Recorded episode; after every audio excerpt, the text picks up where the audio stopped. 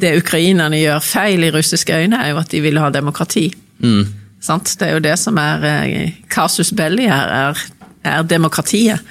At de vil velge De vil ha suverenitet, og de vil velge sin vei. Og dette har jo vært grunnen til eh, Maidan og hele krisene, på en måte politiske kampene i Ukraina i årevis nå. Det er denne vestvendingen versus eh, prorussisk. Så det viser jo relevansen av eh, demokrati, altså så ettertraktet at det fører til krig. Mm. Men hva, hva, var, var du overraska at ting gikk som det gikk, eller var det sånn en, en, eh, noe du både spådde eller hadde en følelse av at dette her bare ulmet opp til en større konflikt? Nei, eh, jeg var veldig overrasket. eh, Jeg skriver om det i Aftenposten i dag. Jeg var overrasket over at han velger, at Putin velger en invasjon av et enormt land som er større enn Frankrike, med 44 millioner mennesker. Eh, Så, mm, og det er jo det som har skapt en enorm risiko ved, ved hele denne situasjonen. At i stedet for Han kunne jo bare beholdt Beholde Krim, selvfølgelig. Beholdt disse østfylkene, eh, som nå er republikker eh, anerkjent av Russland. Og da har du jo kvelertak på Ukraina i all fremtid når det gjelder medlemskap i Nato eller EU. Det er jo ikke, eh, det er jo ikke aktuelt i det. Det er ikke mulig å bli medlem. Så jeg tenker at det er veldig eh, Altså det er, en, det er en veldig annen motivasjon da, enn bare liksom å sette bremsene på for Ukraina. Mm. dette er å bygge en russisk interessesfære eh, langs eh, fra nord, fra Belarus i nord. Og Belarus nå er jo en del av russisk interessesfære.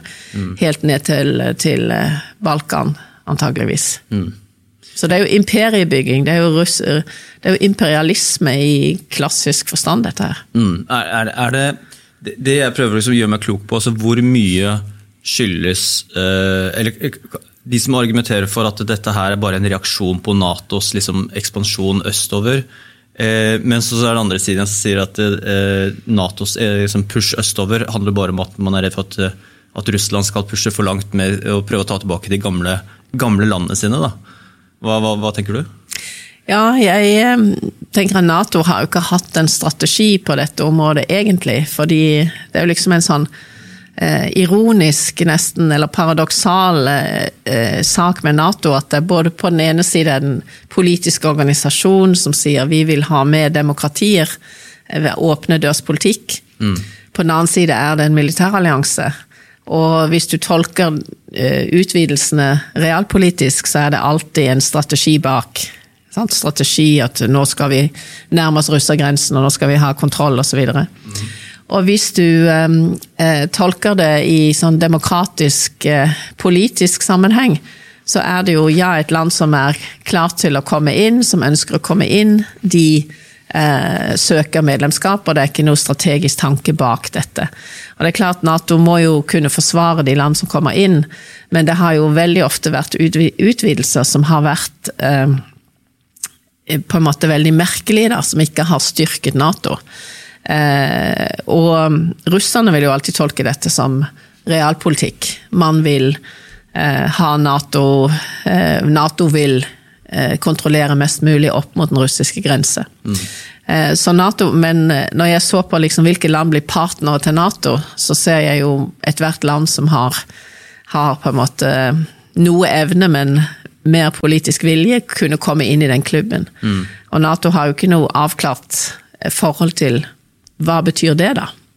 Er det vei til medlemskap? Er det ikke?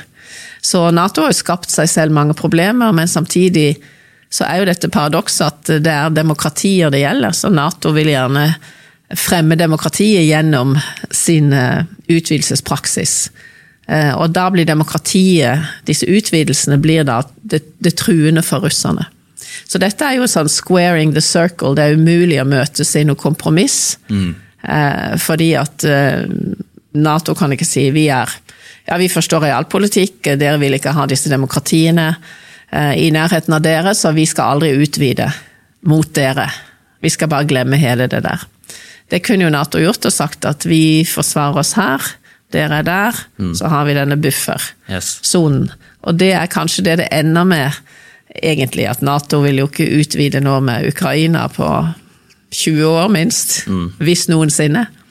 Eh, samtidig som eh, russerne ikke, Samtidig som de ikke kan si vi, eh, vi har en avtale om dette.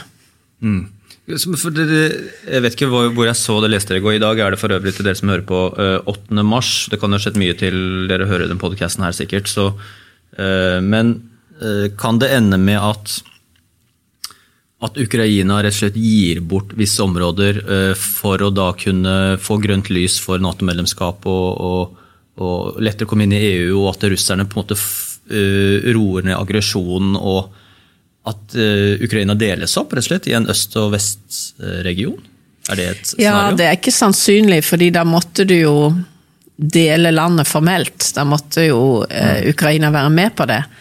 Um, og, det. og russerne vil jo ikke ønske å sitte med Krim og østregionen, da. Og så resten av landet er med i Nato.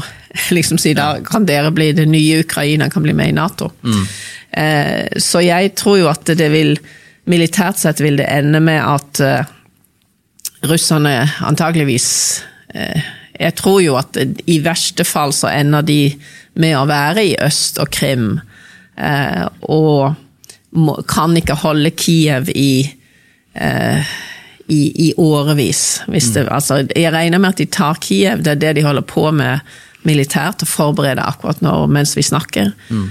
Nå blir jo dette podkasten hørt i fremtid, så dette er jo risikabelt å predikere, da. Mm. Men altså 8. mars så er det jo disse Wagner Group og disse fæle tsjetsjenske spesialstyrkene som er sant? Dette har ingenting med med sivilisert krigføring å gjøre. De er jo på plass rundt Kiev nå.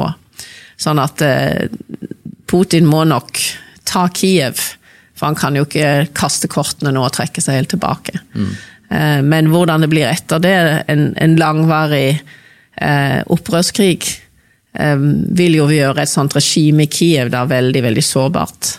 Så kanskje på lengre sikt så blir det en slags avtale.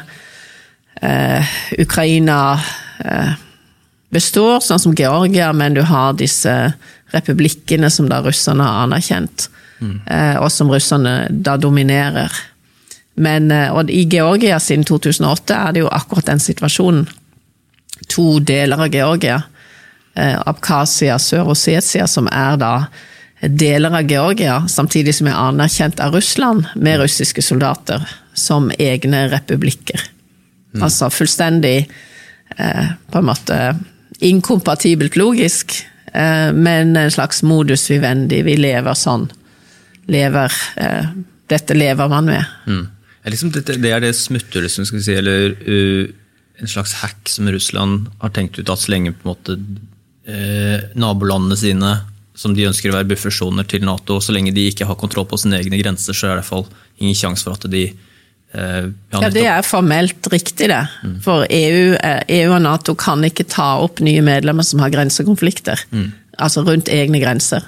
Så egentlig er det en sånn gratisgave til en mm. spoiler, da. Mm. Lag en konflikt, så kan dette landet aldri komme inn. Men det er jo tydelig at Putin vil ha mye mer enn det nå. For han har jo hatt dette i, siden 2000 og, 2014. Mm. Han har jo hatt denne her på en måte bremsen installert. Mm. Så det er jo det som er spørsmålet. Er dette De som kan Russland, som ikke Jeg er ikke noen russlandskjenner de vil jo peke på liksom hans historieopptatthet.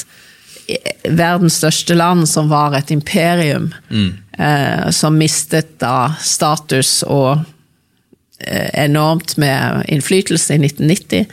At han ønsker å bygge dette opp igjen og ha et ettermæle som en, som en tsar, da. En mm. som gjorde Russ Make Russia great again. Mm. Det, det virker sånn, uh, leser sånn historiske uh, storheter innenfor eh, ja, F.eks. Otto von Bismarck. Sånn alltid husker, uh, ting jeg alltid husker. Han sa at og sikkert mange andre som også har sagt at Russland uten Ukraina er ikke en stormakt, men Russland med Ukraina er en stormakt. At det er liksom, Ukraina er så utrolig viktig for Russland. Ja, jeg tror det er, det er, veldig riktig. Det er the jewel in the crown. ikke sant? At det her, her er, det, er Ukraina innenfor innflytelsessfæren din. så er, du, er det en stormakt. Og så har du jo Hviterussland, som nå er gått fra å være sånn typisk balanserende land, hvor han Lukasjenko kunne liksom vende seg mot EU eh, for å ikke være avhengig av Putin, og vice versa. Altså, han har holdt på sånn i årevis og balansert, da, uten å velge en side. Eh, han er jo nå helt avhengig av Moskva for å holde nede igjen demokratiopprøret. Så det er jo altså fascinerende, da. Denne boken min kommer jo på en måte i, i, i gæren tid, for den kommer midt i et krigsutbrudd. Så det er ikke så lett å få all oppmerksomhet rundt de liksom, lange linjer, men det er jo samtidig tematikken er jo pang, det er demokrati.